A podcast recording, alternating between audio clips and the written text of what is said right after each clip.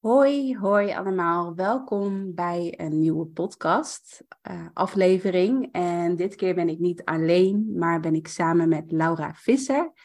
En Laura die is uh, fotografe, uh, maar ze is ook coach. En je bent bezig met een holistische therapie, therapeutopleiding. Ik hoop dat ik het zo goed zeg. Ja. En je hebt een eigen webshop in ook holistische spulletjes die je daar verkoopt. En uh, je hebt ook een eigen holistische fotostudio, of in ieder geval die je kan gebruiken voor daglichtfoto's, maar ook voor vergaderingen. Dus je bent echt een alleskunner. en uh, ja, ik volg, volg Laura al, uh, ik denk nu misschien een klein jaartje ongeveer op Instagram, denk ik. Um, en jouw stijl qua fotografie uh, sprak mij al heel erg aan. En ik zag ook al wel aan je foto's aan, en aan de personen die je fotografeerde, dat je ook wel een beetje, ja, een beetje die holistische, holistische ondernemers aantrekt. Uh, dus, dus dat vond ik zelf ook gewoon heel interessant, omdat ik vorig jaar uh, was, ik, was ik ook best wel met een soort van kantelpunt bezig van veel meer mijn bedrijf, veel meer holistisch maken. En ik ben ook bezig met reiki en dat soort dingen. Dus ik vond het sowieso heel interessant om jou uh, te volgen. En ik dacht van, oh, ik vind je fotografiestijl sowieso heel erg mooi. Dus uh, dat wil ik even onthouden. En heel erg leuk dat we nu, ja, dat ik nu jou mag uh, interviewen voor mijn podcast. Dus welkom bij mijn podcast. Dankjewel. Ja, ik vind het ook heel leuk. Ja. Ja. En um, wat misschien wel leuk is om het kort te vertellen voordat we zo meteen helemaal uh, gaan diven, is dat um, in mijn webdesign blauwdruk traject um, geef ik deze hele maand uh, november een extra, een heel waardevol cadeau als je instapt in mijn, uh, in mijn traject, namelijk een fotoshoot met Laura. dus, dus dat is gewoon even een heel leuk cadeautje wat ik gewoon even in het begin van deze podcast wou delen. En uh, we komen er vast later nog wel op terug. Of in ieder geval, dan gaan we ook nog wel wat de diepte in over hoe jij fotografeert. En um, ja, wat jij belangrijk ook vindt in, uh, als fotograaf. Als holistische fotograaf ook. Maar ja, ik ben ook vooral heel erg benieuwd naar jouw reis. Want volgens mij ben je nog super jong. ik weet niet precies hoe oud je bent, maar hoe, hoe 24. oud ben je? 24. Ja. En ehm, ik las op je website dat je, of dit jaar echt, echt, echt fulltime uh, aan het ondernemen bent. En dat je sinds 2020 dat je, dat je bent begonnen met je, met je uh, fotografie. Um, of dat je als fotograaf bent begonnen in het ondernemerschap. Klopt dat? Dat klopt. Ja. ja. Dus zou je, zou je iets kort kunnen vertellen over ja, jouw, jouw reis? Um, waarom jij bijvoorbeeld zo'n fascinatie hebt voor uh, persoonlijke ontwikkeling, voor het holistische ondernemen, maar ook het holistische leefstijl. Zou je, waar, waar is die reis ongeveer begonnen? Een mooie vraag. Um, ja, dat gaat denk ik al wel terug naar mijn kindertijd, waarin ik altijd best wel heel gevoelig ben geweest en veel dingen oppikte van mijn omgeving. En um, ja, daar denk ik, ik ben daar eigenlijk ook altijd wel redelijk bewust van geweest dat ik um, ja, dingen oppikte. Um, en ik wist daarom ook al vrij snel dat ik iets met de hulpverlening wilde doen, dat ik mensen wilde helpen. Uh, dat wist ik volgens mij al op de basisschool. Dat is eigenlijk ook wel een soort van heel jong misschien. Mm -hmm. um, en toen ben ik de opleiding, nou ja, na de basisschool, middelbare school, ben ik de opleiding maatschappelijk werk en dienstverlening gaan doen nog steeds heel blij met die keuze, want dat ging heel erg over nou ja, de hulpverlening, persoonlijke ontwikkeling. Ehm, ja, dus dat was eigenlijk een hele mooie basis voor mij om te beginnen met werk. Ik ben ook al best wel vroeg begonnen. Uh, tijdens mijn opleiding in het derde jaar ben ik als ambulant begeleider gaan werken in de wijk in Lelystad, waar ik woon. Oké. Daar kwam ik echt bij uh, ja, hele diverse doelgroep vanaf 18 tot, uh, nou ja, laten we zeggen, tot 100. En um, ja, dat was vooral heel erg praktische hulpverlening. En dat, ja. Uh, ja, daar heb ik superveel van geleerd, omdat je zoveel mensen ziet. En ook daar kan je best wel weer heel veel dingen um, ja, je voelde, ik voelde daar ook al wel dingen aan, maar ik was me daar niet zo heel erg bewust van, denk ik. Ehm, dus ik, uh, ja, je gaat gewoon de hele dag rij, rij je eigenlijk de wijk door en zie je mensen en is het echt een beetje brandjes blussen vaak. Mhm. Ehm, dus dat heb ik uh, ja, uiteindelijk wel iets van vijf jaar gedaan, vier jaar. En in de tussentijd ook afgestudeerd, een scriptie geschreven en uh, ook in mijn laatste jaar drie maanden in Tanzania gezeten voor de opleiding. En daar Ehm, ik denk dat daar wel een stukje bewustwording ontstond bij mij over. Uh, nou, vooral hoe je eigenlijk altijd vanuit je eigen kader naar dingen kijkt. En um, ja, dat, dat de wereld eigenlijk zoveel breder is dan dat ik heb meegekregen vanuit mijn Nederlandse bubbel. Waarin alles eigenlijk altijd best wel heel veilig en goed was. Ja. Is eigenlijk sowieso. Maar toen in Tanzania zag ik ook van wow, uh, nou ja, eerst dag, de eerste paar weken dacht ik vooral, oh wat erg, oh wat erg. Zoveel armoede, zoveel... Ja, je zag best wel veel heftige dingen en dat, daar schrok ik gewoon heel erg van. En later zag ik ook dat juist die mensen ook heel gelukkig waren met wat ze hadden. En dat was voor mij toen zo'n eye-opener. En toen moest ik weer naar Nederland. En dat, uh, daar ontstond dat heel verschil. Ja, ja, ja dat, ik denk dat de grootste cultuurshock uiteindelijk in Nederland zelf is ontstaan. Omdat ik toen weer meeging in de drukte. Um, in Tanzania was eigenlijk altijd alles gewoon zo relaxed, zo rustig. En ik heb daar zo vaak, ja, in het begin was dat echt een frustratie dat ik altijd op mijn afspraken moest wachten. En soms echt uren. Ik heb wel eens een dag gehad dat de afspraak uiteindelijk niet kwam, maar dat ik daar om negen uur al aan het wachten was. En pas om een uur of vijf dacht ik, nou, ik geloof dat we maar nu wel echt kunnen gaan. En dat was daar ook helemaal normaal. Daar kreeg je ook niet echt excuses voor of zo. Dat was gewoon zoals het ging en iedereen was daar oké mee. En toen kwam ik terug en toen ging ik mijn scriptie schrijven. En toen werkte ik daarnaast vier dagen, geloof ik. Uh, ja, en, en ik had echt het idee dat ik een soort van meegezogen werd in een molen van werken, leren, uh, presteren. En uh, ja, dat brak me uiteindelijk heel erg op. Um, maar ja, je was net klaar met je studie, dus je wil ook gaan werken. En um, ja, dat was, wel, dat was wel echt een moeilijke periode in mijn leven. Ik denk ook dat ik, als ik terugkijk, dat was wel een van de pittigste periodes. Uh, om eigenlijk überhaupt gewoon met dingen te doen. Ik zat toen ook echt niet lekker in mijn vel. En kwam dat ook door echt door, echt door, die, door die shift eigenlijk? Of hoe noem je dat? Door die, doordat je in Tanzania heb je natuurlijk heel erg soort van in die vertraging ook geleefd. Ja. Dus heel erg veel meer vanuit flow en ja, gewoon op je eigen tempo de, de, de, dingen doen. En dan ineens stap je weer in een soort van nieuwe wereld, letterlijk, uh, in Nederland. En je voelt dat ook letterlijk, denk ik, ook aan de energie van dat dat ineens dat je soort van, soort van in zo'n achtbaan gelijk wordt gezet en dat die achtbaan dan niet meer stopt.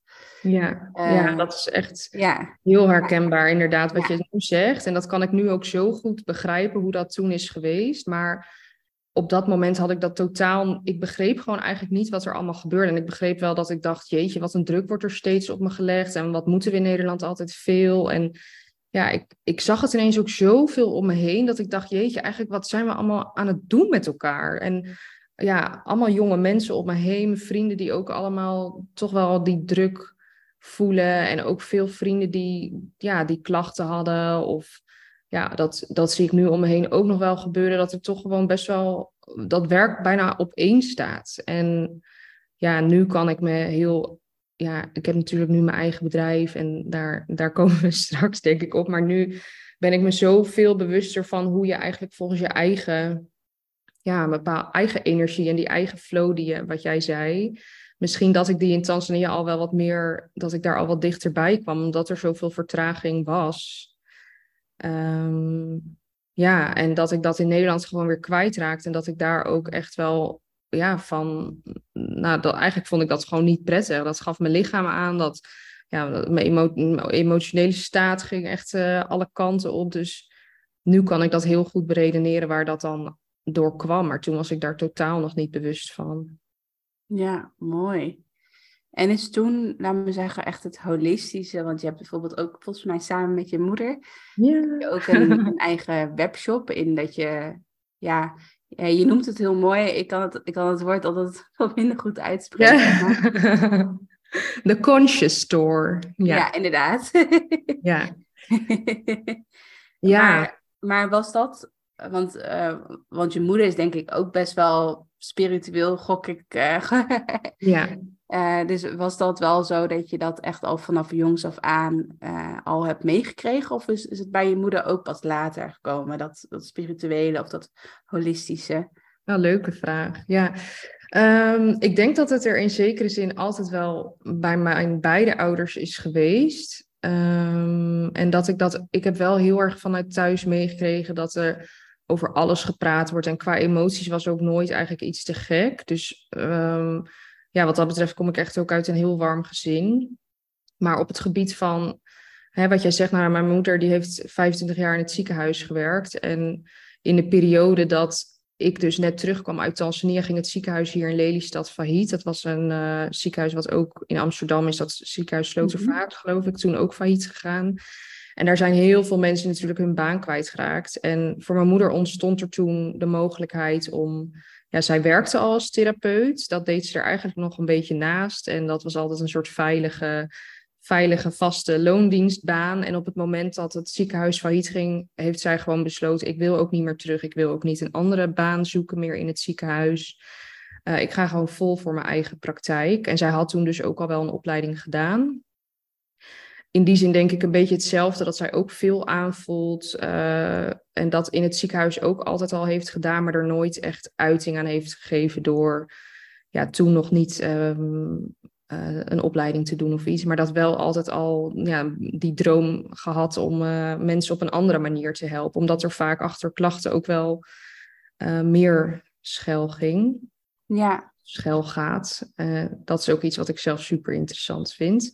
Dus zij is daar toen eigenlijk in die periode dat ik, ja, dat ik ging afstuderen en ging werken mee begonnen. Of nou ja, fulltime mee begonnen. Zij deed dat toen al wel een aantal jaren. En ja, ik heb daar ook wel veel van meegekregen. En omdat ik zelf ook natuurlijk in een proces zat waarin ik gewoon, ja, ik, ik zat gewoon echt niet lekker in mijn vel. En ik ben dan wel iemand die heel erg gaat zoeken. Ja. Uh, en ik heb daar ook, ik heb daar wel echt heel veel in gedaan. Achteraf denk ik, jeetje, wat een overkill aan informatie heb je jezelf eigenlijk toegediend. Maar aan de andere kant, ja, heeft het er wel voor gezorgd dat ik zo, uh, ja, ook heel, heel, een hele ja, bijzondere of een hele mooie groei heb doorgemaakt. Dus achteraf ben ik ook heel blij dat, dat ik eigenlijk die donkere periode heb gehad. En ja, dat ik stap voor stap steeds uh, dichterbij kwam van hé, hey, maar wat werkt nou eigenlijk voor mij? En uh, ja, dat begon eigenlijk heel praktisch met. Ja, je hebt gewoon een batterij elke dag. En als jij altijd maar keihard werkt en, en de verwachtingen heel hoog hebt, dan gaat die batterij super snel leeg. En als je hem te leeg maakt en hij is al min, min 10 bij wijze van spreken ja. en je gaat slapen, dan laat je dus ook nooit meer tot die 100% op. Nee. Nee. En als je dat langer tijd doet, dan, dan brand je gewoon op. En dat was ook een beetje aan de hand. Ja. Maar um, ja, toen uh, is daar bij mij wel ja, heel, heel langzaam, zeg maar, is daar wel een soort uh, omslag in ontstaan.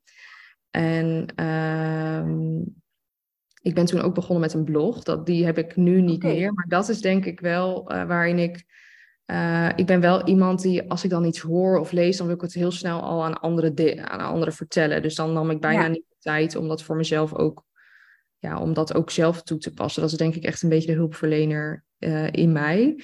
Ja. En uh, toen ging ik een blog maken, Groene Bubbel heet dat. Hij, hij bestaat nog wel, maar ik doe er nu niks meer mee. En dat ging heel erg over. Nou, de, toen ging ik vooral heel erg bezig met wat zit er eigenlijk allemaal voor troep in je eten, in je make-up, in je.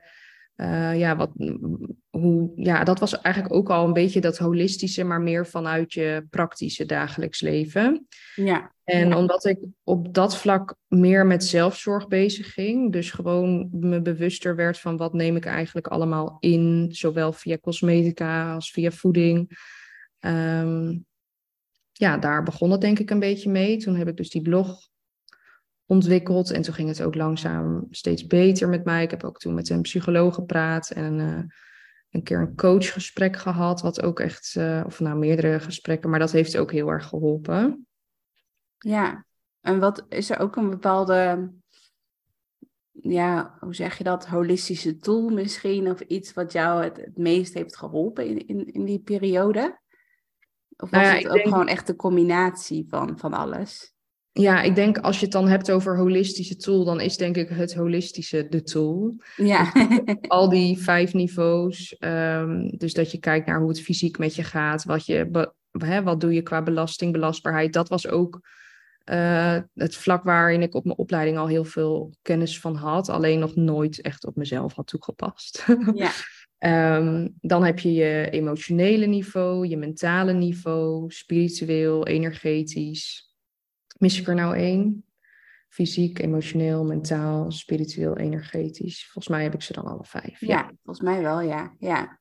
En ik denk dat ehm, voor mij het heel erg heeft geholpen om verder te kijken dan alleen ehm, ja, wat je met je hoofd allemaal kan bedenken. En wat je met je hoofd. eh, ik was echt, nou, dat, dat ben ik tot voor kort eigenlijk, als ik nu terugkijk, nog steeds wel geweest. Maar echt een wandelend hoofd. Als ik dan niet lekker in mijn vel zat, dan ging ik alleen maar zoeken van, ik kan dit wel doen, ik kan wel met een coach praten, ik kan wel naar een ademworkshop gaan, ik kan wel naar dit gaan, ik kan wel naar dat gaan. Maar uiteindelijk was het allemaal heel erg vanuit mijn hoofd en bleef dat contact met mijn lichaam en mijn emoties, bleef best wel heel erg, nou, het was niet weg, maar het was wel heel erg op de achtergrond. En op het moment dat ik me daar bewust van werd, waar, ja, ik zou eigenlijk niet weten of daar nou, dat is denk ik echt een proces geweest, maar dat ik me ook meer ging openstellen voor wat meer de spirituele kant. En ook wat meer heling. Toen merkte ik wel van, wow, er is nog zoveel meer mogelijk. En dat gaf ook heel veel steun, omdat je weet van, hé, hey, ehm, ja, uiteindelijk, misschien als je het dan hebt over wel een specifieke tool, dan, is het, dan heeft het me heel erg geholpen om tegen mezelf te zeggen dat het goed is. En dat het ook goed is dat je je niet eh, goed voelt. En eh, ik was echt heel erg gewend vanuit, ja, ik weet niet waar dat precies vandaan komt, maar ik ben altijd heel erg gewend om te zeggen dat het goed gaat. En ik denk dat we dat in Nederland allemaal best Ja. wel heel erg doen. Van, Herken hè, ik ook heel erg bij mezelf hoor, ja. Ja, Dat je, dat je ook gewoon met vriendinnen of, of ook in het ondernemerschap, of als mensen vragen hoe gaat het met je bedrijf, dat je eigenlijk bijna altijd zegt van ja, het gaat goed. Ja, dat je dat, dat je dat gewoon heel erg gewend bent om dat te zeggen. Ja, Ja, ja, precies. Ja, en, en ik denk op het moment dat ik, er, dat ik erachter kwam dat dat eigenlijk helemaal niet hoeft en dat je daar best wel wat meer ruimte voor mag nemen, dat je nog niet eens zozeer dat ik het al naar anderen kon uitspreken, maar dat ik voor mezelf gewoon wist als ik wakker werd en ik dacht, oh, dit is weer zo'n dag dat ik me echt zo rot voel, dat ik dan niet ging zoeken, zoeken, zoeken, maar dat ik tegen mezelf kon zeggen, het is goed, het is oké. En ja, dat ik wat meer, ik ging steeds wat meer vertrouwen voelen, eh, nou, dat, dat, dat, er uiteindelijk, dat het uiteindelijk ook wel weer beter zou gaan. ja. En dat mooi. gebeurde ook doordat ik mezelf wat meer ruimte gaf. Ja. Ja, en ik hoorde ook in je verhaal van ook dat je dat we in Nederland is het ook wel, ik weet niet of het ook een beetje aan ja, onze generatie ligt. Klinkt gelijk zo zwaar, maar toch wel heel erg dat presteren inderdaad. Eh, Ja. dus, dus heel erg vanuit je hoofd inderdaad leven en dat je toch een soort van, soort van carrière ladder moet beklimmen van, van oh ja, je moet een hbo-opleiding doen en daarna moet je een goede baan hebben. Of als je je eigen bedrijf begint, dat je gelijk eh, heel veel eh, geld moet verdienen. Ehm, maar ook inderdaad ook bijvoorbeeld het manifesteren, wat natuurlijk best wel een, een, een trend is. Ja, Van dat je, en dan is het vooral heel erg manifesteren, heel erg op het, eh, het uiterlijke als het ware, dus heel erg de buitenkant. Dus, ja, dus bijvoorbeeld ik wil een nieuwe auto of ik wil een, een grotere huis, ik wil in een groter huis wonen of ik wil, eh, ehm, nou ja, wat je, wat je kan bedenken. ja, heel materieel eigenlijk. Ja, dus dan is dat is, is eigenlijk alleen, ja, je ziet, de mensen horen mij natuurlijk, maar het is dan eigenlijk alleen aanwezig in je hoofd, inderdaad. Hè? Dus, Ja. dus vanuit je hoofd bedenk je bijvoorbeeld, want we naderen nu bijvoorbeeld ook het einde van het jaar. Het is nu november, nu we de podcast opnemen. En dan ben je toch wel een beetje aan het nadenken van, oké, wat zijn mijn wensen voor 2023? Wat wil ik bijvoorbeeld kopen of wat wil ik, wat wil ik gaan doen? Wil ik een opleiding volgen? En dat is een soort van ehm, nog heel erg vanuit je hoofd bedacht, als het ware. Ja, Eh, dus jouw aanwezigheid, als het ware, als ik nu een soort van scan van jou zou maken, dan, dan ben je vooral aanwezig in, in je hoofd. ja, Ehm, ik denk dat dat ja, dat we dat zo erg hebben geleerd. En ik, weet, ik denk dat dat denk ik te maken heeft met natuurlijk ook je opvoeding. Uh, maar ook natuurlijk uh, ja, op school was een, ben je natuurlijk ook altijd wel gewoon zo geprogrammeerd van dat je, dat je doel is om gewoon een hoog cijfer te halen ja. bij, uh, bij alle vakken. Maar ik weet niet, heb jij, voel jij ook ergens van, daardoor is het bij mij echt zo gekomen van dat ik heel erg die frustratiedrang heb? Of is dat toch ook gewoon iets wat we, ja, wat, wat gewoon, uh, ja, hoe zeg je dat? Dat het veel meer ook collectief is, inderdaad. Dus dat het niet zozeer alleen voor jou of voor mij is, maar dat, dat iedereen dat een beetje in onze leeftijd uh, een beetje meemaakt, om het even zo uh, te omschrijven. Ja, ik denk dat dat een, echt een combinatie is van heel veel verschillende factoren. Maar als ik dan, kijk, daar zijn natuurlijk persoonlijke factoren bij betrokken, bij mezelf. Hè, waarom, dat ik bepaalde overtuigingen heb waarom ik moet presteren. Maar als ik kijk naar hoe social media is echt in mijn, eigenlijk in mijn ontwikkeling naar volwassen worden, is dat ook opgekomen. Dus ik ben daar letterlijk mee opgegroeid. Uh, op het moment, ja, eigenlijk wanneer is dat ontstaan? Ongeveer rond mijn puberteit, denk ik, dat dat echt uh, een hot item werd. En daarbij was het, ik voelde dat ook zo erg aan dat dat echt een soort strijd was als je er maar bij hoort. Uh, en dan was dat nog met een Blackberry dat je met elkaar kon pingen. Nou, als je dan geen ping had, dan deed je gewoon letterlijk niet mee. Uh, dan kreeg je niet mee wat er in al die groepen werd gezegd. En dan, dan stond je eigenlijk een soort van buitenspel. En dat, ik ben daar denk ik heel gevoelig voor, omdat ik ben gepest in de eerste klas. En de tweede klas was denk ik vooral dat dat um, ontstond. Toen werd ik gelukkig niet meer gepest. Maar dat is natuurlijk wel iets waar je, uh, waardoor ik denk ik gevoeliger ben geworden voor uh, het erbij willen horen. Ja. zeker in je ontwikkeling naar volwassen worden, dan, uh, ja, dan wil je het, als je het maar goed doet, dan hoor je er vast wel bij. Misschien is dat dan een beetje een persoonlijke overtuiging die ik had. Ja. Um, moet nu gelijk lachen, want dan denk ik, nou, nu zit ik, doe ik helemaal mijn eigen ding. Dus het is gelukkig, of nou ja, gelukkig, ik ben heel blij dat ik uiteindelijk wel heel erg mijn eigen pad heb uh, durven uh, lopen. En um, ja, maar goed, dat is daar wel een beetje uit ontstaan, denk ik. En ook wel dat je op de basisschool en op de middelbare school uh, allemaal zulke praktische vakken krijgt. Maar ik heb echt niet geleerd op school hoe ik moest omgaan met emoties, hoe ik uh, ja, hoe ga je eigenlijk om met anderen? Hoe voel je wat anderen nodig hebben, maar hoe voel je ook vooral wat je zelf nodig hebt? Nou, zelfs als volwassene is het nog wel eens moeilijk om uh, te ontdekken van, oh ja, je kan wel zo druk altijd met anderen bezig zijn. En misschien is dat ook uh, iets wat hulpverleners dan nog sterker voelen. Maar je bent heel sensitief voor wat gebeurt er om je heen, wat hebben anderen nodig. Daar ligt ergens ook je kracht. Maar het is zo'n gevaar om dan niet meer te voelen wat je zelf nodig hebt. En ja ja, dat hebben we denk ik ook echt niet geleerd. En dat wordt denk ik nog steeds heel weinig geleerd. En ja, er zijn zoveel gevoelige mensen. Ik denk dat dat alleen maar meer uh, tot uiting komt. Uh, dat mensen gewoon veel gevoeliger zijn dan, uh, ja, of dan dat er gedacht werd. Of nou ja, in ieder geval dat het schoolsysteem daar nu totaal nog niet op is aangepast. Ja, mooi. En dus je vertelde inderdaad, dus na je studie, of eigenlijk tijdens je studie, toen je weer in Nederland kwam, toen had je inderdaad het gevoel van dat je een beetje een soort van, ja, een soort van zwart gat viel van dat je best wel, uh, ja, dat je best wel down voelde en dat je, dat je voelde van, oh, ik kan echt niet mee in deze red race, letterlijk. En dat je dus steeds meer ook, ja, steeds meer ook voor jezelf hebt gekozen om je eigen pad te bewandelen. En wat heb je, want hoe ben je toen uiteindelijk in aanraking gekomen met, met, met het ondernemerschap, maar ook natuurlijk jouw fotografie? Hoe is dat uh, ontstaan? Ja, daar heeft nog wel een heel, uh, ja, daar heeft nog best wel een tijd tussen gezeten. Uh, ik switchte eerst van baan naar eigenlijk de baan die ik altijd al wilde hebben. Dat is maatschappelijk werker in het ziekenhuis. Dat heb ik gedaan, nou ja, twee jaar. En dat is dus gestopt dit jaar in februari. En dat, als ik mhm. op terugkijk, vind ik dat nog steeds echt. Ik denk dat het in, in zekere zin is het, het werk inhoudelijk nog steeds mijn droombaan. Alleen uh, de vorm paste gewoon niet meer bij me. daar, daar kom ik straks nog wel op terug.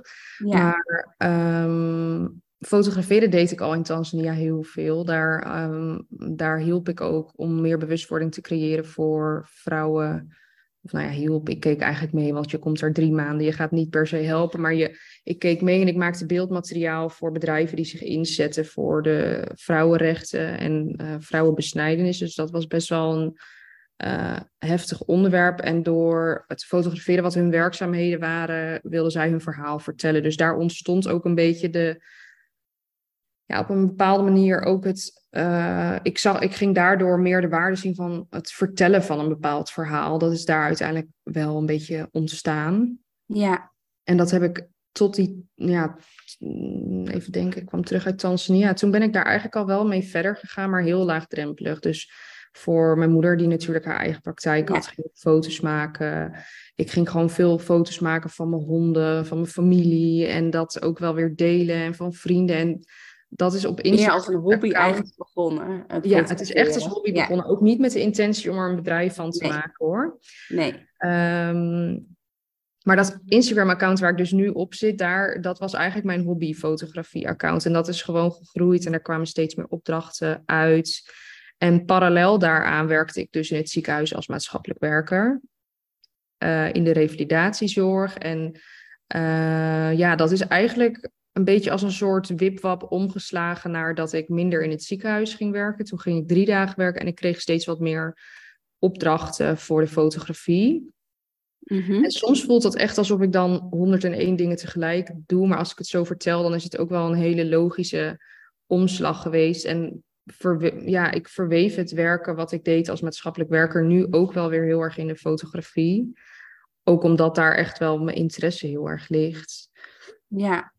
Dus um, ja, jij vroeg nog van hoe, ben, hoe ik nou hier uiteindelijk ben gekomen. dat ik nu niet meer als maatschappelijk werker werk en fulltime als fotograaf.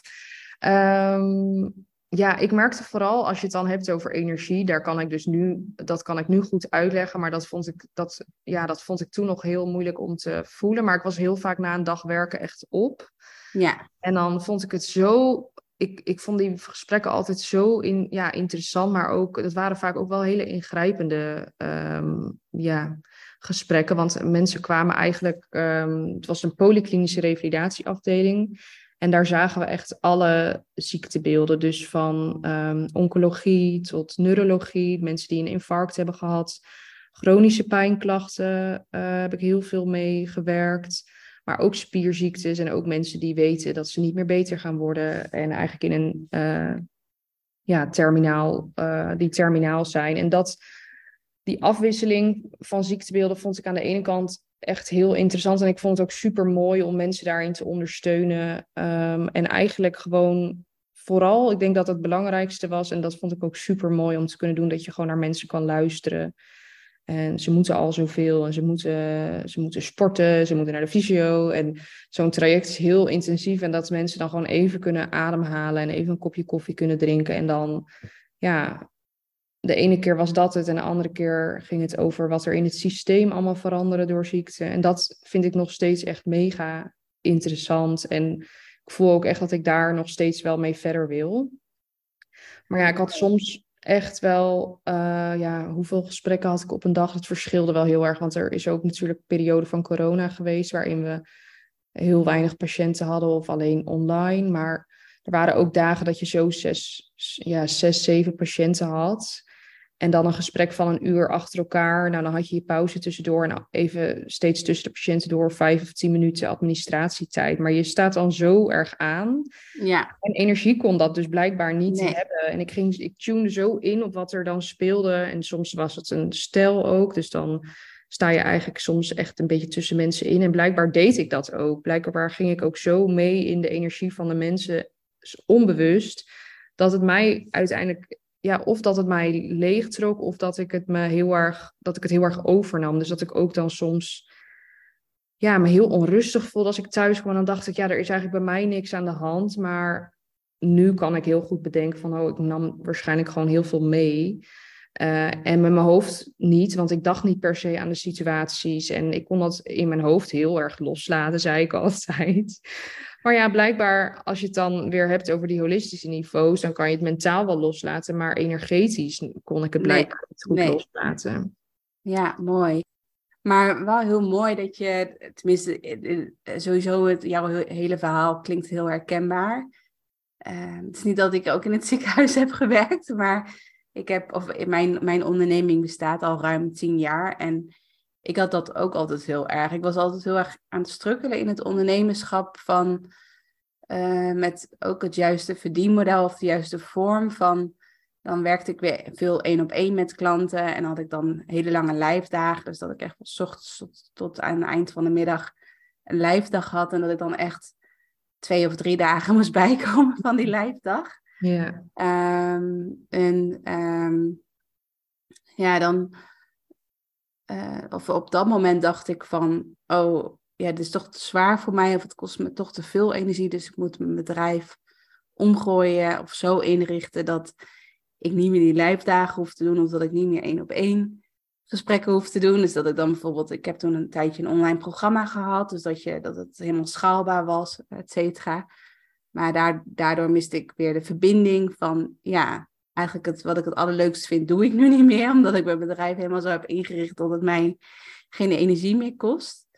En eigenlijk, ja, of tenminste vind ik ook, wil ik ook wel zo aan jou vragen, maar sinds Reiki eigenlijk bij mij op mijn pad is gekomen, dat is dan nu, ja, ook in 2020 was dat denk ik, toen ik Reiki 1 deed. Um, ja, dat je wat je net ook zei met die lagen, uh, of in ieder geval die verschillende niveaus in het holistische.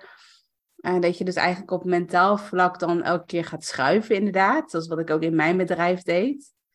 Dat je denkt van, hoe kan dat nou? Ik voel me het gewoon goed. Of ja, hoe kan, hoe kan ik me dan nog steeds zo leeg voelen aan het eind van de dag? Ja, dus ik ben wel benieuwd hoe, want, want heb jij nu heb jij nu Reiki 1 of Reiki 2 gedaan? Hoe, hoe is het bij jou eh, gegaan? Of hoe, hoe ben je er eigenlijk achter gekomen dat, het, dat er dus ook nog een hele energetische laag zit, om het even zo uh, te, te omschrijven? Ja, dat is uh, voor mij eigenlijk allemaal een soort van heel nieuw. Terwijl ik dan. Ja, ja ik, ik dacht eigenlijk dat ik daar al, zeker omdat ik wel vanuit een holistische visie fotografeer, dacht ik ook wel, hè, daar ben ik, ik ben wel heel erg bewust van die laag en ik voel ook energie bij anderen wel aan. Um, dus ik dacht wel dat ik dat al heel goed kon. en toen ging ik Reiki 1 doen.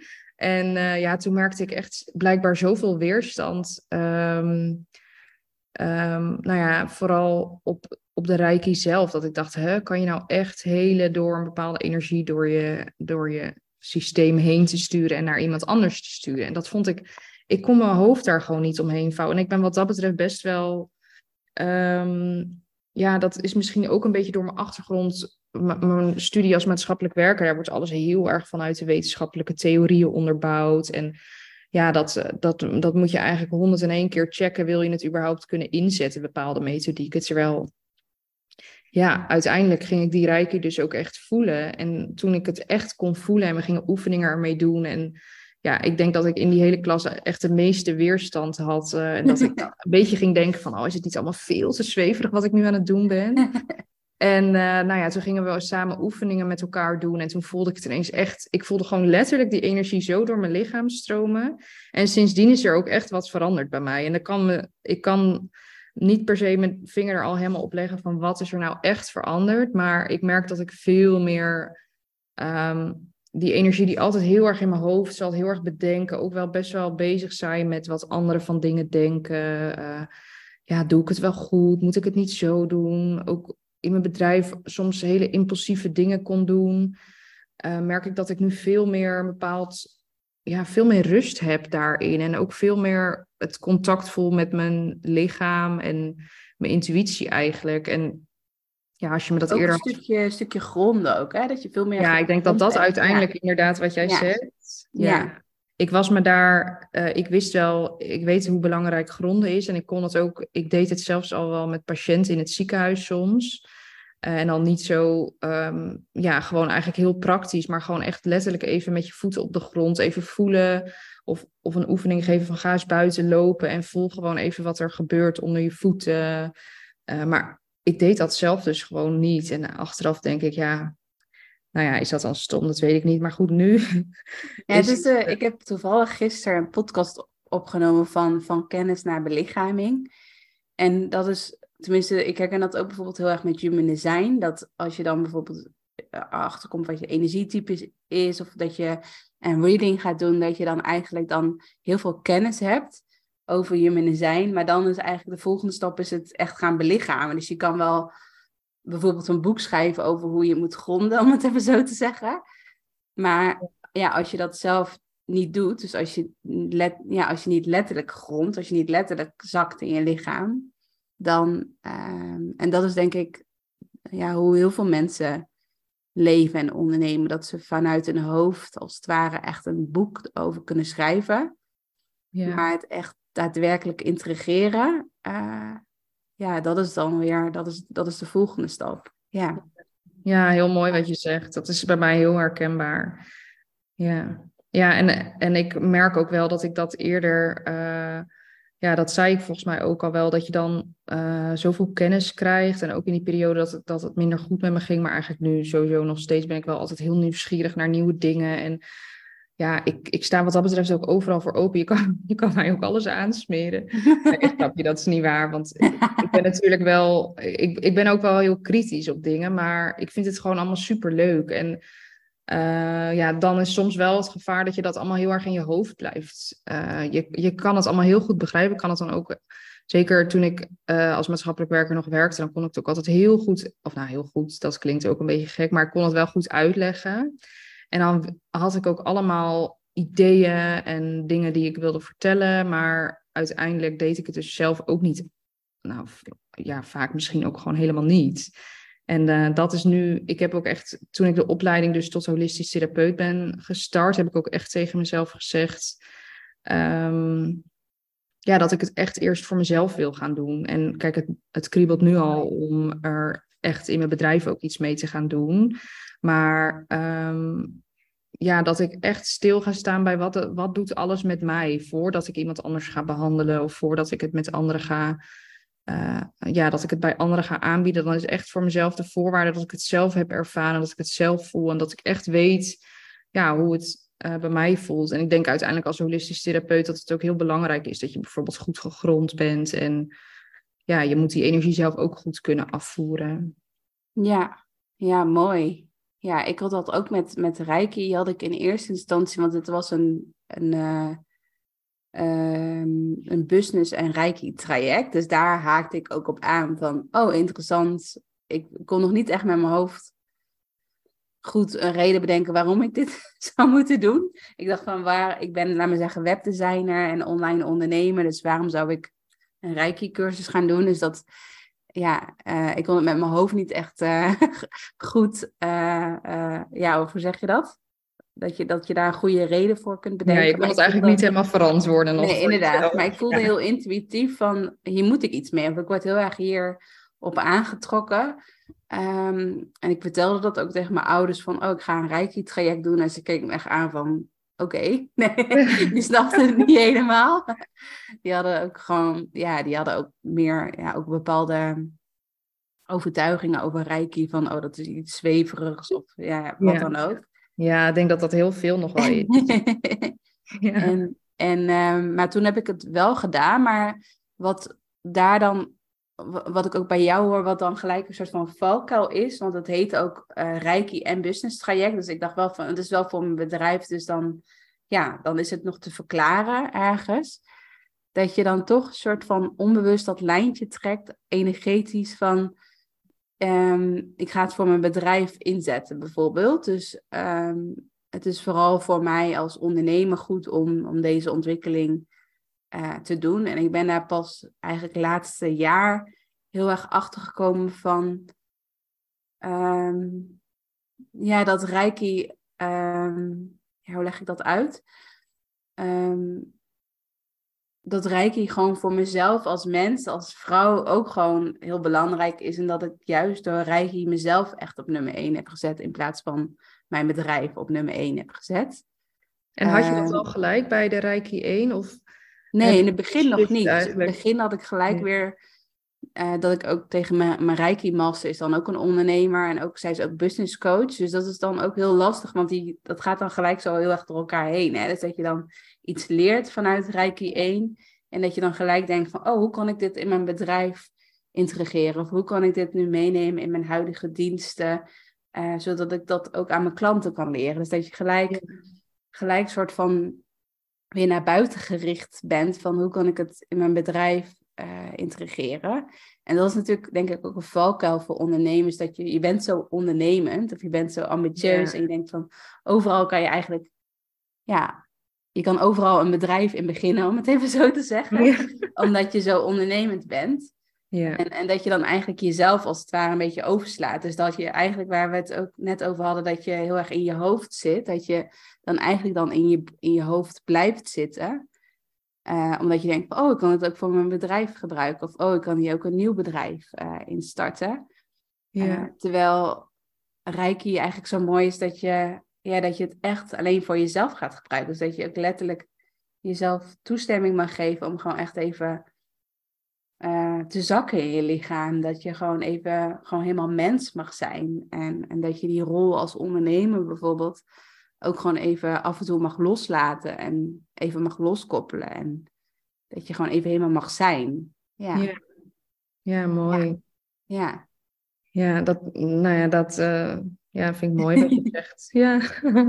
Dus ik vind het ook heel mooi dat je zegt van eh, dat, dat je de opleiding echt nu eerst doet voor jezelf. En ik denk dat het dan heel aantrekkelijk is als je nu die reis aan het maken bent, dat je dan af en toe denkt van oeh, ik ga het inzetten voor mijn bedrijf. Maar dat je dan elke keer wel dan weer jezelf de reminder zet van, maar ehm, het is het meest belangrijk dat, dat, dat, dat ik elke keer op nummer 1 sta, als het ware. Ja. Dat je het eerst zelf echt gaat belichamen, gaat doorleven, in plaats van dat je het gelijk ja, weer, dat je er gelijk anderen bij wilt helpen. Ja, ja. ja. en, en Ja. ik denk ook dat die, je hebt, ik, ja, ik heb die tijd misschien ook wel nodig, omdat ik heel erg vanuit mijn hoofd gewend ben om mensen te coachen. Om, ja, eh, in de hulpverlening is het best wel gericht op bepaalde methodieken. En eh, in het gesprek, je kan er in het gesprek dingen uitpikken en daar ben ik gevoelig voor. En ik voel ook wel dingen al bij mensen aan. Dus soms weet ik dan in een gesprek met de weg daar ook wel naartoe te, ja, of, of prik je er doorheen op een bepaalde manier. Maar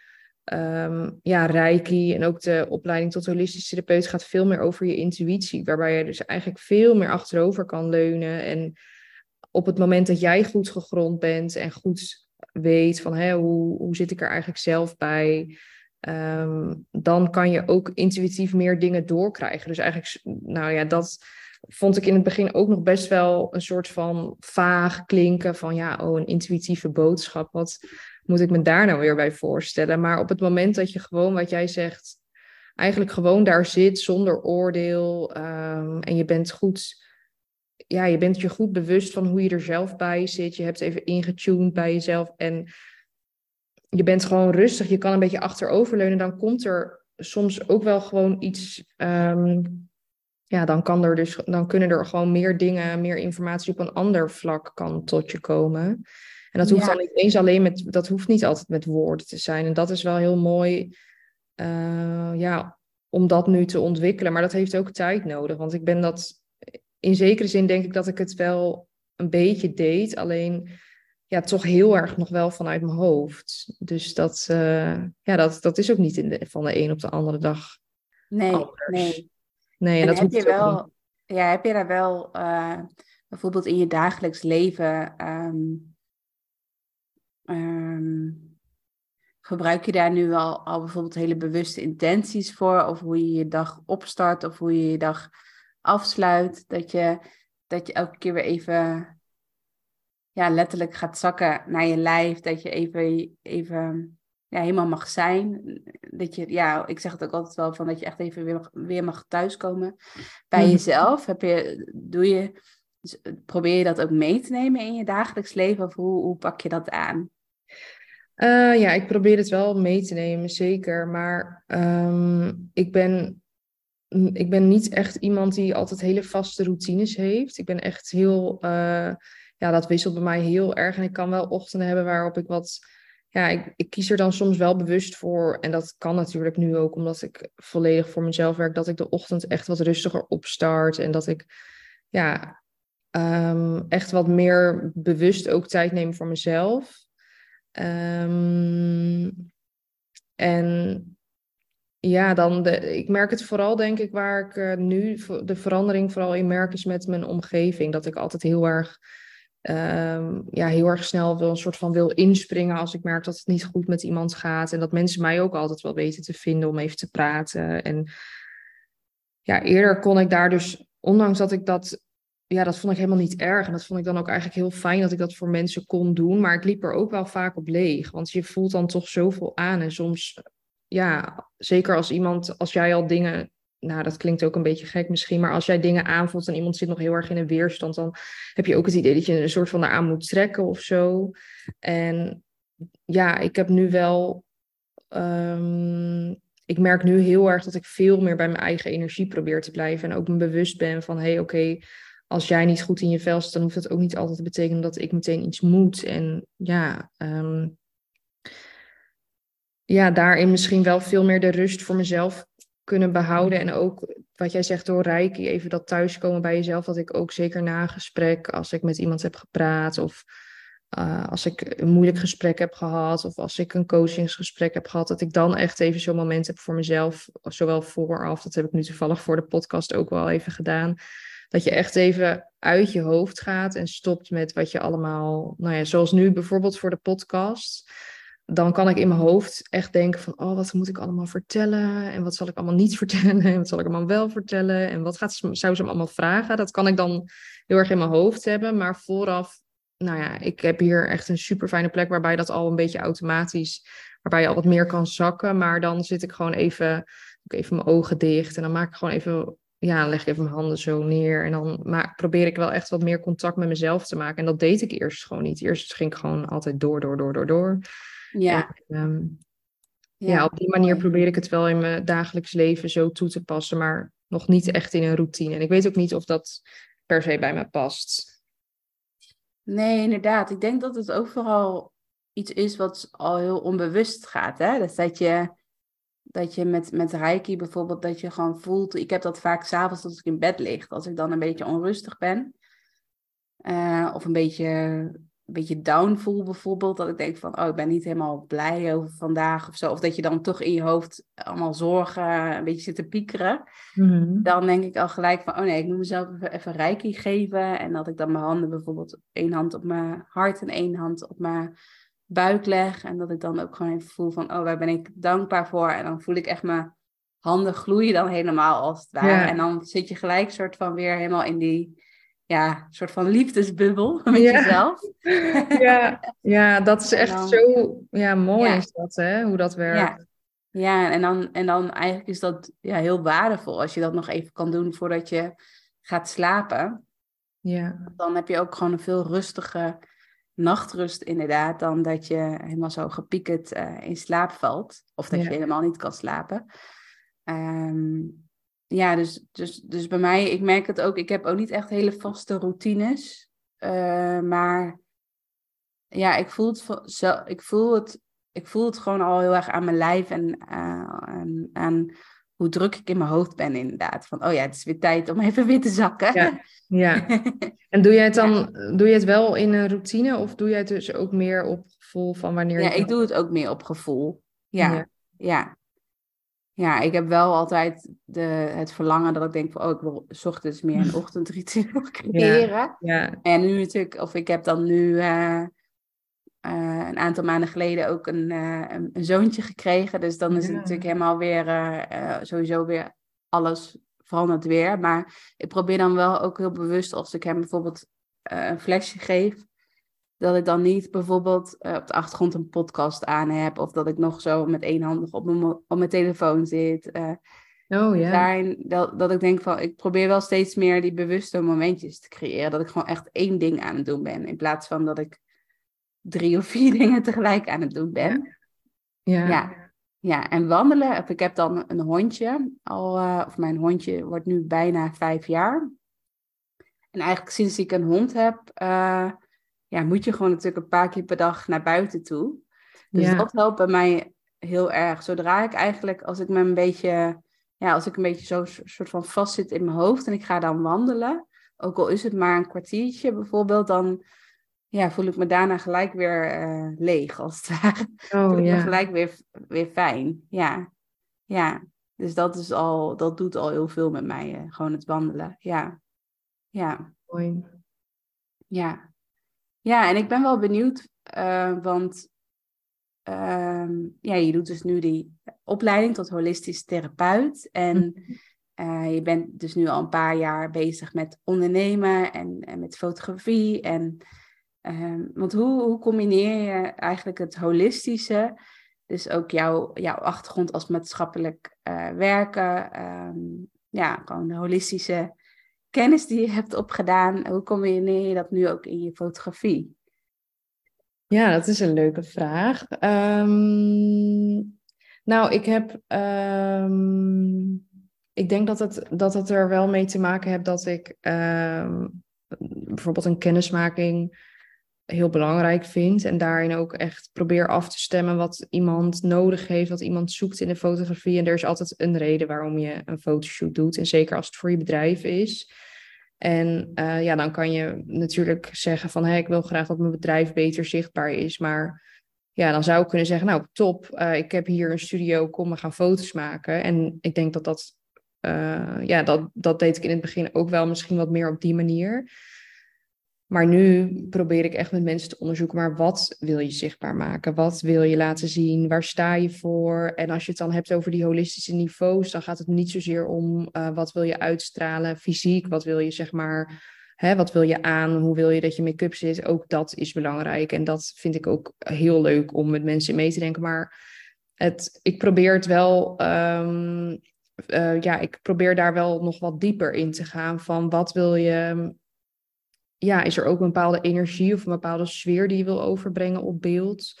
En dan is het mooi als je dat een beetje fysiek kan maken. Dus je, je maakt een bepaalde energie die jij uh, om je heen hebt. Of iets wat je aan mensen wil meegeven met jouw bedrijf. Stel je bent een coach. Wat, ja, ben je iemand die heel erg confronterend is? Ben je iemand die echt zo'n doorpakker is? Bijvoorbeeld een, nou ja, met business coaches kan je dat soms wat meer zien. En wat meer die power. En dat kan heel erg aantrekken. Want jij denkt, oké, ik wil ook in die energie, ik wil ook die power uitstralen. Ja, dan ga je er ook zoeken welke materialen, welke tools heb je dan nodig om dat echt te laten zien. Want je hebt geen bewegend beeld natuurlijk. Nee, nee. En uh, zo is dat ook weer, zo kan het ook de andere kant op. Wil je juist wat meer die zachtheid laten zien? Wil je de toegankelijkheid laten zien? Dat is voor iedereen heel persoonlijk. En niet iedereen weet dat al goed van zichzelf. En daar maak ik weer de combinatie met de coaching. Um, zeker voor mensen die zoekende zijn in hoe ga ik mijn bedrijf ja, positioneren. Of hoe ga ik mijn bedrijf eigenlijk soms ook opstarten. Om echt mezelf daarin neer te zetten. En niet te doen zoals alle anderen. Of zoals ik zie dat heel veel mensen doen op Instagram of iets. Maar dat het echt goed past bij wat jij wil uitstralen, wie jij bent. Ja, mooi. En voel je ook wel een bepaalde ja, gelaagdheid bij uh, ondernemers of misschien bij de fotoshoot zelf? Dat, dat je voelt dat als iemand binnenkomt, dat, je, dat iemand misschien nog best wel een soort van masker op heeft. Van ja. hier ben ik, ik ben bijvoorbeeld de business coach, ik zeg maar even wat. van Ja. oké, eh, met mijn hakjes, eh, nou zet mij maar even op de foto, zo. En dat je dan, probeer je dan ook altijd, tenminste dat vind ik zelf, ik ben dan meer een coach en een designer. Ik vind dan altijd wel weer leuk van, om wat meer die laagjes af te breken bij iemand. Ja. Ja. En van wie zit er nou echt achter die, die persoon? Of wat, wat gebeurt er als je die masker eh, afzet? ja. Probeer Ja. jij dat ook te doen bij, bij een fotoshoot? Ja, zeker. En dat ik, ik zie dat, eh, ja, je kan dat soms heel erg al zien bij binnenkomst, inderdaad. Dat je, eh, nou, wat jij zegt, dat het, dat het uiterlijk heel erg op de voorgrond staat. En dat iemand eigenlijk tipt op, eh, nou, alles heeft geregeld en verzorgd. Maar dat kan ook een bepaald masker geven of een bepaalde afstand ehm, ja, laten zien. En in een fotoshoot probeer ik daar ook altijd aandacht voor te hebben. En ik probeer ik ook de verbinding met de, ja, met de klant op dat moment te maken. Om echt te voelen hoe, ja, nou ja, dan hebt het over die energetische verbinding, zeg maar. Dat je uh, op die manier ook verbinding met elkaar maakt en ook beter kan aanvoelen wat iemand eigenlijk, ja, wat er allemaal onder zit. En dat is soms ook een bewuste keuze van mensen natuurlijk. Kijk, de, ik voel ook vaak heel veel spanning bij mensen onder dat masker zitten. Ja. En die spanning is niet aanwezig uh, per se binnen hun bedrijf, maar die spanning is gewoon omdat een fotoshoot soms echt heel spannend is. Ja. En uiteindelijk zegt bijna, zegt bijna iedereen van, oh, als ik nou had geweten hoe relaxed het is, dan uh, had ik me helemaal niet zo druk gemaakt. Maar um, ja, zeker als ik die spanning heel erg voel, dan probeer ik dat ook eerst af te breken. Dan neem ik gewoon wat meer tijd. En ja, dan is het ook heel fijn als mensen vooraf wel een uitgebreidere, een uitgebreider tra traject um, hebben, waarin je elkaar echt al beter leert kennen en waarin iemand echt nog ja, samen met jou gaat kijken van wat wil ik, hoe wil ik het echt neerzetten en wat wil ik neerzetten en wie ben ik dan zelf om, uh, ja, wat zijn mijn eigen kwaliteiten die ook gezien mogen worden daarin. Ja, mooi. Ja. ja en stel je voor dat, dat er nu luisteraars naar deze podcast luisteren en denken van nou, ik wil binnenkort een fotoshoot inplannen. Misschien mhm. bij jou of bij een andere fotograaf. Heb je dan ook een soort van tip hoe je echt, echt echt jezelf kunt zijn um, tijdens een fotoshoot. Dus dat je echt jouw, ja, jouw, echt gewoon, uh, hoe zeg je dat, jou in de essentie op de foto kan, um, ja, foto kan krijgen. Heb je daar ook bepaalde tips voor? Dat ze dat bijvoorbeeld van tevoren kunnen doen. Of ook, ook gewoon heel intuïtief voelen van, hé, hey, welke fotograaf past dan bij mij? Ja, ik dat begint eigenlijk inderdaad al met aanvoelen van waar, welke fotografie stijl, maar ook welke fotografie, welke fotografen spreekt mij het meest aan. En soms kan je dat met je hoofd nog niet eens helemaal verklaren, maar is dat gewoon een bepaald gevoel wat je hebt. En het is dan gewoon, ja, ik stuur mensen er altijd, of ik, ik moedig dat juist altijd heel erg aan om daar ook gewoon mee, uh, ja, daarop te vertrouwen. En ik denk dat, ja, als fotograaf zelf vind ik het heel belangrijk dat je vrijblijvend gewoon met iemand kan kennismaken. En dat je misschien, soms is je gevoel al heel erg duidelijk van oké, dat is de fotograaf met wie ik wil werken. Maar als je nog zoekende bent, dan is het ook fijn dat je gewoon wat mensen kan spreken. En ja, de een de een voelt precies aan wat je nodig hebt en de ander, uh, ja, nou ja, misschien ook wel. Maar uiteindelijk is dat een, een, een gevoel wat je zelf hebt van oké, hierbij merk ik van hé, hey, deze persoon weet goed wat ik wil uitstralen of die kan mij daar goed in helpen. En um, ja, wat ik veel zie gebeuren is dat mensen het heel praktisch maken van oké, ik moet nou, er komen hier soms mensen binnen en ik werk natuurlijk niet alleen in deze studio, maar ik heb zo vaak ook wel shoots gehad met mensen die echt boodschappen kratten, vol met accessoires meenemen, vol met kleding. Dus dat ken ik heel erg van mezelf hoor. ja, oh ja, als ik zelf een fotoshoot heb, dan moet natuurlijk ook alles erop het Maar ja, wat, wat breng je dan mee aan, wat, hoe, hoe hoog is dan de lat? Ja. Uh, als het er allemaal op moet, hoe erg kan je dan in het moment zijn als je weet dat je nog 101 stenen hebt die je ook op de foto hebt? Ja. Uh, en ik moet er zelf ook wel om lachen, omdat ik het ook zo goed begrijp. Je wil alles uit die shoot halen en je wil eigenlijk alles laten zien. En, maar eigenlijk uh, ben je dan inderdaad helemaal niet thuis in je lichaam, omdat je zo erg bezig bent met oké, welk kledingstuk heb ik nu aan? Of heb ik nu wel de juiste oorbellen in? Of ik wil graag deze edelsteen op de foto hebben. Ja. Ik zeg maar even wat, ik wil dit ja. kussentje op de achtergrond hebben. Ja. Uh, dat je zo erg bezig bent in je hoofd om een soort van het perfecte plaatje ja. Uh, uit te stralen voor op de foto. Ja, dat is heel, heel herkenbaar hoor. Tenminste, mhm. als ik nu mijn... Ik werk heel veel samen met Marleen. En uh, als zij deze podcast zou luisteren, zou ze echt keihard gaan lachen. Omdat ik ook echt... Nou ja, ik ben natuurlijk vanuit huis uit uh, designer. Dus ik wil, laat me zeggen, het plaatje moet soort van perfect zijn. Ja. Dus dan kan ik echt gewoon helemaal vastlopen in mijn hoofd met dat ik echt tientallen internetbestellingen met allemaal kledingstukken die ik allemaal weer terugbreng. Dat ik denk van nee, dit is het allemaal niet. Terwijl ehm, ik heb ook wel eens een fotoshoot in het bos gedaan bij een foto, met een fotograaf. Maar toen wist ik niet van tevoren dat, dat zij foto's ging maken. Dus ik was gewoon helemaal gewoon in mijn ja, in mijn regenjas had ik volgens mij aan op die dag. Mijn regenjas, ik had gewoon mijn haar in de staat, geen visagie en zo. Ik had eigenlijk helemaal, ja, helemaal niks voorbereid. En toen zei ze van, uh, toen hadden we eerst een uur gewandeld. Dus ik was al best wel geaard, gewoon heel erg mhm. gegrond. Gewoon al gewoon zen, als het ware. En toen zei ze van, oké, okay, tune even in, doe je ogen even dicht. Kom even aan bij jezelf. Voel even je voeten. En toen, zodra ik eigenlijk mijn ogen open deed, maakte zij een paar foto's. en toen dacht ik van, oh. wow, wat een verschil met de fotoshoots die ik normaal doe. Terwijl de fotografen, ja, die zijn allemaal even goed, om het even zo te zeggen. Het ligt niet zozeer dan aan de fotograaf. Ja, wel natuurlijk de begeleiding van de fotograaf natuurlijk, maar gewoon puur de, de kwaliteit bijvoorbeeld van, van wat een fotograaf kan maken qua foto's, daar ligt het niet per se aan. Maar meer gewoon inderdaad van, ben je, ben je echt thuis in je eigen lichaam? Ja. Ja, ja. ja, ik denk dat het heel mooi is dat je die combinatie kan maken. Want uiteindelijk, uh, dat zie ik ook heel veel bij ondernemers die voor een fotoshoot komen, dat hun verhaal al zo, uh, ja, die, die staat vaak al echt. Die mensen, mensen weten vaak wel van, hè, dit is waar ik voor sta, dit is wat ik wil. En nou ja, soms weten mensen het nog niet, dan kunnen we daar samen naar kijken. Maar um, ja, waar is het zichtbaar? Vaak is het nog helemaal niet zichtbaar. En dan, ja, dan, dan maakt het ook op een bepaalde manier wel eens onzeker. Van ja, ik weet zo goed wat ik wil. En dan denk ik ook, ja, je hebt, je hebt ook echt een mooi verhaal. En ik zie het wel gebeuren. Ik zie het wel, uh, er, zit heel veel in. Alleen als iemand totaal nog nergens zichtbaar is of zichzelf daarin laat zien, dan, ja, dan komt het ook niet aan bij degene die dat dan zou moeten ontvangen. En dat vind ik dan weer met fotografie heel mooi. Dat je als fotograaf eigenlijk, um, ja, je kan het heel praktisch bekijken van oké, je wil zichtbaar zijn, dus we gaan foto's maken. Maar als je echt intunt op wat is iemands verhaal en wat zit daar nog weer onder, wat zijn die lagen die daaronder zitten en hoe ga je dat, uh, ja, hoe ga je dat op beeld brengen?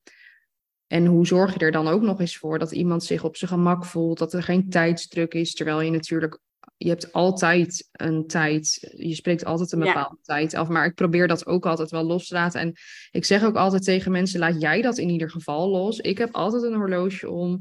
Ik zit echt niet de hele tijd op de klok te kijken. Maar ik stuur mensen wel altijd een beetje van: hè, uh, ja, vertrouw gewoon op mij dat ik je daarin helemaal begeleid. Vanaf het moment dat we kennis maken tot aan het moment dat je de foto's krijgt. Uh, dat je dat ook een beetje mag loslaten. Dat je je niet hoeft druk te maken om de tijd, om wat je aandoet, om ja, laat dat ook een beetje over je heen komen. En, um, echt meer ja. echt overgraven, inderdaad. Hè? Dus ja, dat, dat is zo uh, belangrijk. Ja. ja. Ja, dat herken ik wel heel erg met, tenminste dat ik, uh, dat ik heel erg de controle zelf wil houden. En bijvoorbeeld de fotograaf met wie ik vaak samenwerk, Marleen, dat is ook een vriendin. En dan, dan denk je toch van, ja, ik wil haar ook niet soort van belasten of zoiets. Mm. dus dan heb je die overtuiging al van, oh, uh, ik, ik regel alles. Ik regel de kledingstukken, uh, de locaties, zodat zij eigenlijk alleen nog maar hoeft de foto's hoeft te schieten. Terwijl je dan eigenlijk dan, ja, terwijl het zo mooi en krachtig is als je je echt laat dragen. In plaats van dat je zelf een soort van alles nog ja, onder controle wil houden. Ja, ja en ook erop vertrouwen dat er, uh, nou ja, ook, ook wel in de praktische dingen, dat je dat ook samen kunt doen. En dat je ook niet altijd alles tot in de puntjes geregeld moet hebben. En dat is ook wel heel fijn dat ik hier een locatie heb waar ook heel veel al aanwezig is. Ik heb hier matjes, ik heb hier meditatieproefjes, ik heb hier echt de wereld aan edelstenen, bloemen, planten. Dus je hoeft dan ook niet alles mee te nemen. En mijn studio wordt niet altijd gebruikt. Ik, ik zit ook heel vaak nog wel in de Randstad. En ik zit zelf natuurlijk in Lelystad. Um, maar dat, ik merk dat ook. Ik ken natuurlijk mijn studio nu zo goed. En ik weet hoe het licht... Uh, ja, hoe, hoe de lichtinval is. En ook op verschillende tijdstippen. Dat maakt ook dat je dat ik ook meer kan zijn en wat minder in een soort. Kijk, als ik net een nieuwe shoot of een, een shoot heb en ik kom net een fotostudio binnen en ik ben daar nog niet eerder geweest, dan ga ik ook altijd een soort van: oké, waar is het licht? Oké, daar is het licht. Uh, wat hebben we allemaal mee? En dan zit ik ook heel erg in mijn hoofd. Terwijl hier, ja, hier hoef ik me eigenlijk in die zin al bijna niet voor te bereiden op het praktische gedeelte, want het is er gewoon en dat vertrouwen heb ik ook. En ja, dan kan ik ook mensen echt ontvangen vanuit een bepaalde rust. En als mensen dat dan ook voelen, dat helpt ook heel erg met de ja, ja. Wat meer in, in je lichaam te zakken, zeg maar. Ja, ja, en ik geloof ook wel heel erg in, in less is more, inderdaad. Dat ook, ook in fotografie, maar ook op je website, dat je, ja, je hebt helemaal niet heel veel nodig, inderdaad. Dat vaak als je, eh, ik zeg maar even wat, vijf verschillende kussentjes gebruikt of vijf verschillende edelstenen of wat dan ook, dat, dat vaak gewoon, ja, jouw uitstraling is al genoeg, om het even zo te zeggen. Je hoeft helemaal niet dan helemaal die aankleding, ehm, ja, dat is allemaal extra. Dat is ja. Ja, dus dat, ja, dus uiteindelijk mag je er ook gewoon heel erg op vertrouwen van dat alles precies zo is zoals het, zoals het mag zijn, inderdaad. Ja, ja. ja. absoluut. Ja, en het mag allemaal. Hè. Er, er komen echt genoeg mensen binnen met uh, heel veel tassen en kratten. En ja, dan is het hier één ontplofte bende. En dat heeft ook wel weer zijn charme. En dat, het is ook niet dat ik dan denk, oh, nou, jij bent echt niet, uh, jij, jij zit echt zo erg in je hoofd, het wordt niks. Want ik ga daar net zo erg in mee en dan hebben we, uh, uiteindelijk ons ondervind je dan ook wel weer de rust. En dan komt het ook vaker op neer dat iemand echt, nou, twee derde van die hele uh, tas met spullen helemaal niet heeft bekeken. En dat dat helemaal niet is gebruikt tijdens de shoot. Maar soms geeft dat mensen ook rust van, oké, ik heb nu echt alles mee, dan kan, het, dan kan ik het loslaten. Dat is ook prima. Ja, ja, ja, mooi. Ja, dat alles er mag zijn, inderdaad. Ja, ja. Maar ook wel weer, ik vind het ook wel weer een leuke uitdaging, of dat herken ik ook bij mijn eigen klanten. Of dat ik de opdrachten die ik bijvoorbeeld aan ze meegeef, dat je juist wat meer, ehm, ja, echt meer letterlijk in die overgave mag stappen. Ja. Maar dat kan natuurlijk bij iemand ook juist dan heel averechts werken, dat ze dan helemaal een soort van in die verdediging schieten. Ja, ja. ja. Ja, zeker. Ja, ja mooi. Ja. ja, ik zit even te denken of ik nog uh, een bepaalde vraag heb. Van, ja, hoe, hoe, zie je, hoe zie je de toekomst voor je? Hoe ben jij als ondernemer ook echt een ondernemer die heel, heel doelgericht is? Dat je echt al doelen gaat bedenken voor volgend jaar? Of ben je meer met uh, gewoon go with the flow, om het even zo te zeggen. Ja, ik ben echt heel erg go with the flow. ja, ik, het is niet dat ik met de dag leef. Ik heb echt wel heel veel ideeën. En uh, nou ja, uh, we hebben natuurlijk ook nog de winkel hier. En we hebben, nou ja, samen met mijn moeder heb ik hier het holistisch centrum, waar ik dus boven de studio heb en beneden hebben we therapieruimte. En omdat ik zelf steeds meer met therapie wil gaan doen en dat ook weer wat meer wil, of nou ja, eigenlijk het werk wat ik al deed, weer in mijn eigen bedrijf wil vorm gaan geven, uh, zie ik daar nog wel een heleboel in ontstaan. En ook misschien wel samen, samenwerking met mijn moeder. Uh, we hebben toevallig binnenkort onze eerste evenementen hier op een avond. Dus dat zijn al van die dingen waarvan ik denk, ja, dat, dat wil ik gewoon steeds meer gaan uitbreiden. En uh, nu is fotografie echt nog wel mijn ja, het is niet mijn fulltime. Uh, het coaching, dat doe ik er ook nu, nu naast, zeg maar. Maar fotografie is wel nog mijn hoofd. Um, ja, dat zijn wel mijn hoofdwerkzaamheden. Daar ben ik wel het grootste deel van de week mee bezig. En uiteindelijk wil ik zeker naar 50-50 qua werk. En um, ja, ik merk gewoon dat ik echt, als ik het er nu ook met jou over heb, over het coachen en, en ook wel branding natuurlijk. Maar dan, ja, dat, dat vind ik gewoon super interessant. Ja, en ik denk ook, ik denk dat die combinatie heel waardevol is. Dus dat ook vooral ook met, met fotograferen. Dat, want ik merk al bij mezelf, als ik bijvoorbeeld zelf een rijke behandeling heb gehad, of als ik zelf mezelf behandel, dan eh, straal je gewoon, dan zie je ook gewoon aan je ogen dat je veel meer straalt dan ja. voor die tijd. Dus je hebt een soort van glow, rijke glow heb je over je, over je heen. ja. En eigenlijk is dat super waardevol als je bijvoorbeeld eerst een reiki-behandeling bijvoorbeeld doet bij iemand. Of eerst meer een holistische sessie, om het even zo te omschrijven, met, met een reiki-behandeling bijvoorbeeld. Zodat iemand echt gewoon helemaal gegrond is en in haar lijf zit. Uh, En dan daarna, als je dan daarna bijvoorbeeld een foto maakt in je, in je studio.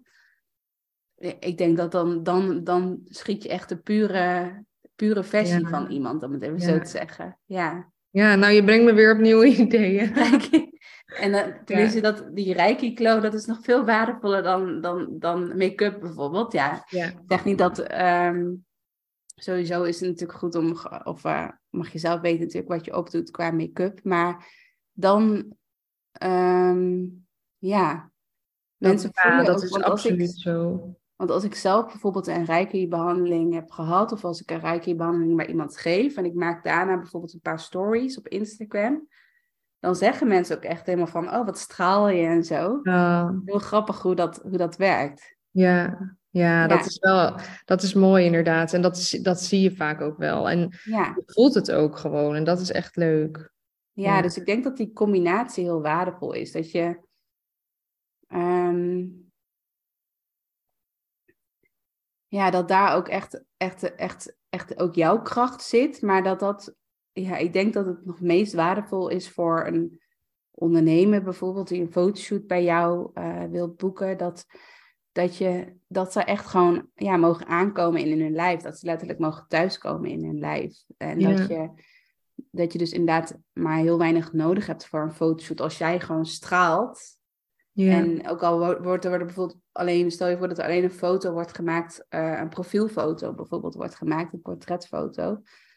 Weet je, dat, dat kan al, al, al een hele mooie foto zijn. Daar heb je dan heel Ja. weinig voor nodig. Ja, of daar hoef je ja, qua kleding of qua interieur spulletjes, dus wat, wat dan ook wat je dan wilt meenemen, dat heb je dan eigenlijk allemaal ja, niet nodig. Je mag gewoon Nee. helemaal met jezelf op de foto. Ja. ja, mooi is dat. En eigenlijk, eigenlijk kan dat ook al. Dus dat is ook wel heel leuk. Ja, en jij hebt ook al gewoon los van voor, voor styling. Dus bijvoorbeeld jouw studio is natuurlijk al helemaal zo ingericht dat je eigenlijk niet meer hoeft na te denken over de styling.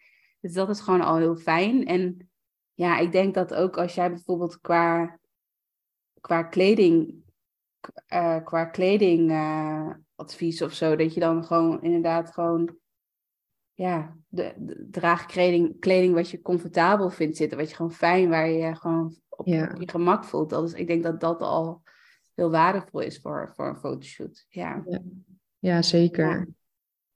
Ja, dan kan je dus weer wat meer, wat jij zegt, dan heb je wat meer die overgave. ja. Ja, dus dat zie ik al wel helemaal. Ja, leuk.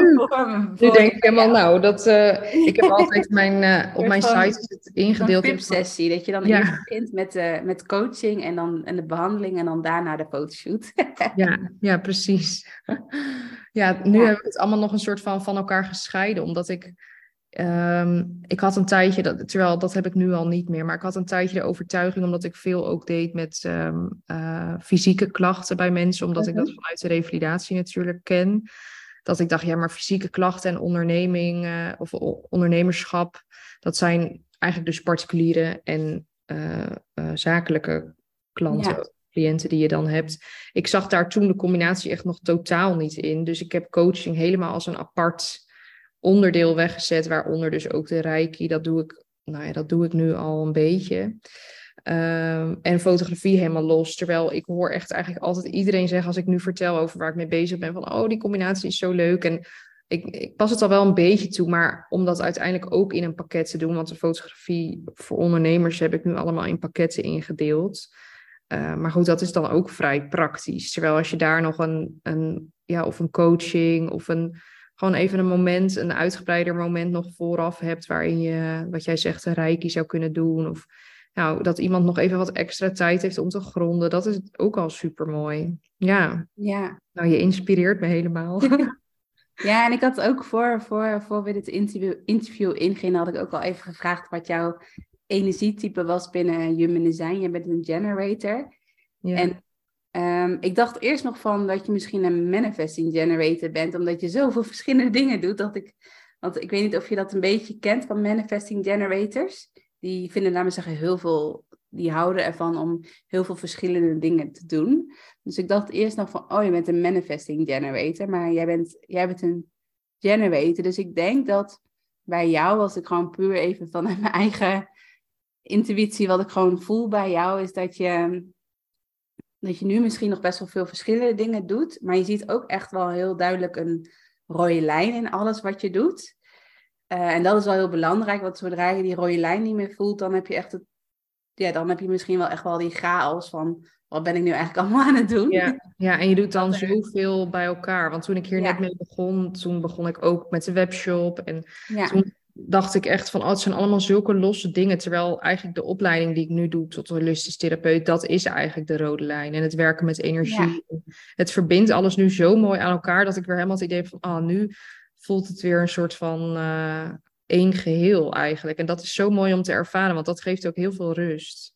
Ja, en ik denk ook dat waar generators ook wel onbekend staan, is dat ze wel houden van focus. Dus dat ze het wel fijn vinden om wat meer, uh, ja, bijvoorbeeld een wat specifieke doelgroep bijvoorbeeld te hebben en, en wat specifiek aanbod. Dus dat je niet heel veel verschillende dingen tegelijk doet.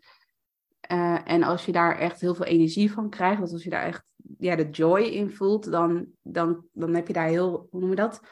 Dan, um, dan straal je gewoon heel veel power als het ware uit. Dan heb je zoveel energie ja. uh, uh, dat, je, dat je heel veel kan geven ook daarin. Maar ik voel ook wel bij jou dat, want nu doe je natuurlijk nog best wel, want je vertelde ook dat je laatst een bruiloft had gehad waar je uh, voor ging fotograferen. En wat je net dan zei van ook fysieke klachten misschien bij particulieren. Ja. Maar dat ik ook wel ergens bij jou voel van dat je misschien in de toekomst, als je dat zelf natuurlijk ook leuk vindt, maar dat je, dat je, dat je steeds meer, misschien wat meer gaat focussen op ondernemers bijvoorbeeld. En dat, daar, uh, dat je daar echt dat holistische uh, reiki, fotoshoot, dat, ja, dat je dat, dat heel erg combineert. Ja. Ja. Ja, dat, die, die gedachten die heb ik ook wel hoor. En ik denk, ik, ik merk dat dat nu ook al wel een beetje ontstaat. En dat ik gewoon uh, voor mezelf ook. Ik ben echt nog een beetje aan het uitzoeken van welke bijvoorbeeld fotografie doe ik nu echt uh, eigenlijk alle vormen van fotografie, of alle vormen, in ieder geval ook voor particulieren, dus ook bruiloften, zwangerschap, uh, newborn. En dat vind ik ook weer heel leuk, want daarin is eigenlijk hoe je een ondernemer kan vastleggen, kan je ook een gezin, een verhaal van een gezin vastleggen, zonder daar een statische foto van te maken. Als je lekker naar buiten gaat en ja, onderling die verbinding vast kan leggen, dat geeft me dan ook weer zoveel energie. En ik merk ook dat ik dat nog steeds heel erg leuk vind. Dus ik denk dan, oh, ik ben, ja, wat dat betreft, uh, wat jij zegt van uh, dat ik misschien, dat jij eerst dacht dat ik een manifesting generator was, dat daar kan ik me wel heel erg in vinden. Want ik heb echt, wat dat, ja, ik doe zoveel verschillende dingen en ik merk ook dat ik dat een soort van nodig heb. Ja. En die focus moet er inderdaad wel zijn. Dus het is wel fijn dat ik één hoofd, uh, bijvoorbeeld in de fotografie heb ik wel één hoofdfocus. Dat is de branding, dat doe ik ook het meest. Ja. Ja. daar is de studio natuurlijk ook voor ingericht. En als ik dan zo hier en daar een aanvraag krijg voor een zwangerschapsshoot of een newborn, dan, ja, dan word ik daar nog steeds heel blij van. Dus dan denk ik, ach, ik doe het gewoon een beetje zo. Uh... Ja, je moet vooral, ja. inderdaad, dat is het belangrijkste ook bij Generate, is dat je vooral voelt waar je blij van wordt. Ja. Dat is het allerbelangrijkste. Ja, ja. Ja, en door meer in contact te staan. Of uh, echt moet uh, volgen. Die, waar, waar, waar voel je echt waar, waar, waar voel je echt die joy ja. bij jezelf? Ja. Ja, ja en dat, dat ontdek ik nu steeds meer, omdat je steeds meer in contact staat met je, ja. met je gevoel en met je intuïtie. En dat maakt ook dat het wat een soort van meer duidelijk wordt van waar word ik nou echt blij van. En dan kan je dat ook veel beter voelen. Ja, ja, mooi. Ja, ja sowieso. Uh, ik denk dat we echt nog uren kunnen praten. Ja, dat denk ik ook.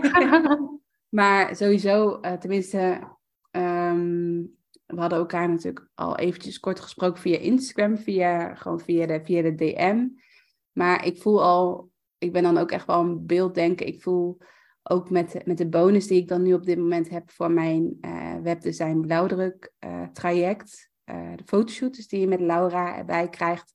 Ik zie daar ook gelijk nu allemaal weer beelden bij ja, dat, dat we misschien, omdat we allebei natuurlijk reiki-ervaring hebben, dat we, ja, dat we misschien ook, nou niet per se letterlijk dat iedereen op de behandeltafel gaat liggen, maar gewoon dat je gewoon even in een kringetje of zo, of ja, ik zeg maar even wat, dat je even gewoon gaat zitten, even gaat gronden en dat we gewoon, ook al is het alleen reiki op je, op je schouders en op je hoofd bijvoorbeeld, um, en dat je dan daarna foto's gaat maken. Ik denk dat dat, ja, dat we samen als het ware die energie Um, ja, dat we letterlijk een soort van, een soort van energetische ruimte, uh, gewoon een veilige ruimte creëren voor, voor de deelnemers die instappen in mijn traject. Uh, en dat we, dan, uh, dat we dan die foto's gaan schieten. Of dat ja. jij de foto's gaat maken.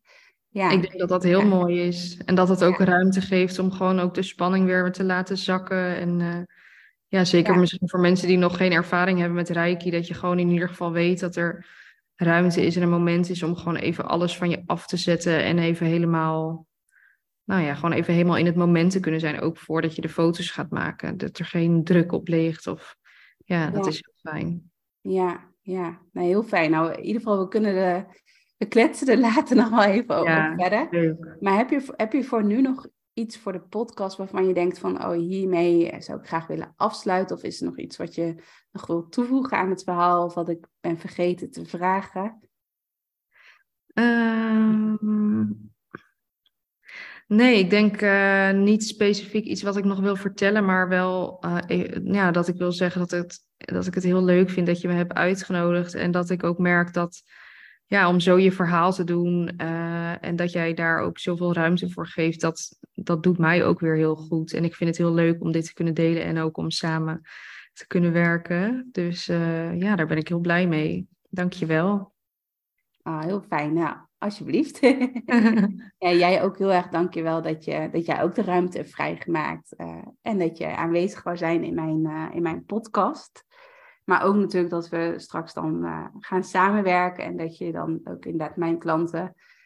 Ja, want ik, ik weet gewoon dat het gewoon super belangrijk is dat, dat het beeld gewoon... Als ik een website ga bouwen, is het gewoon heel erg belangrijk dat je goed beeld hebt.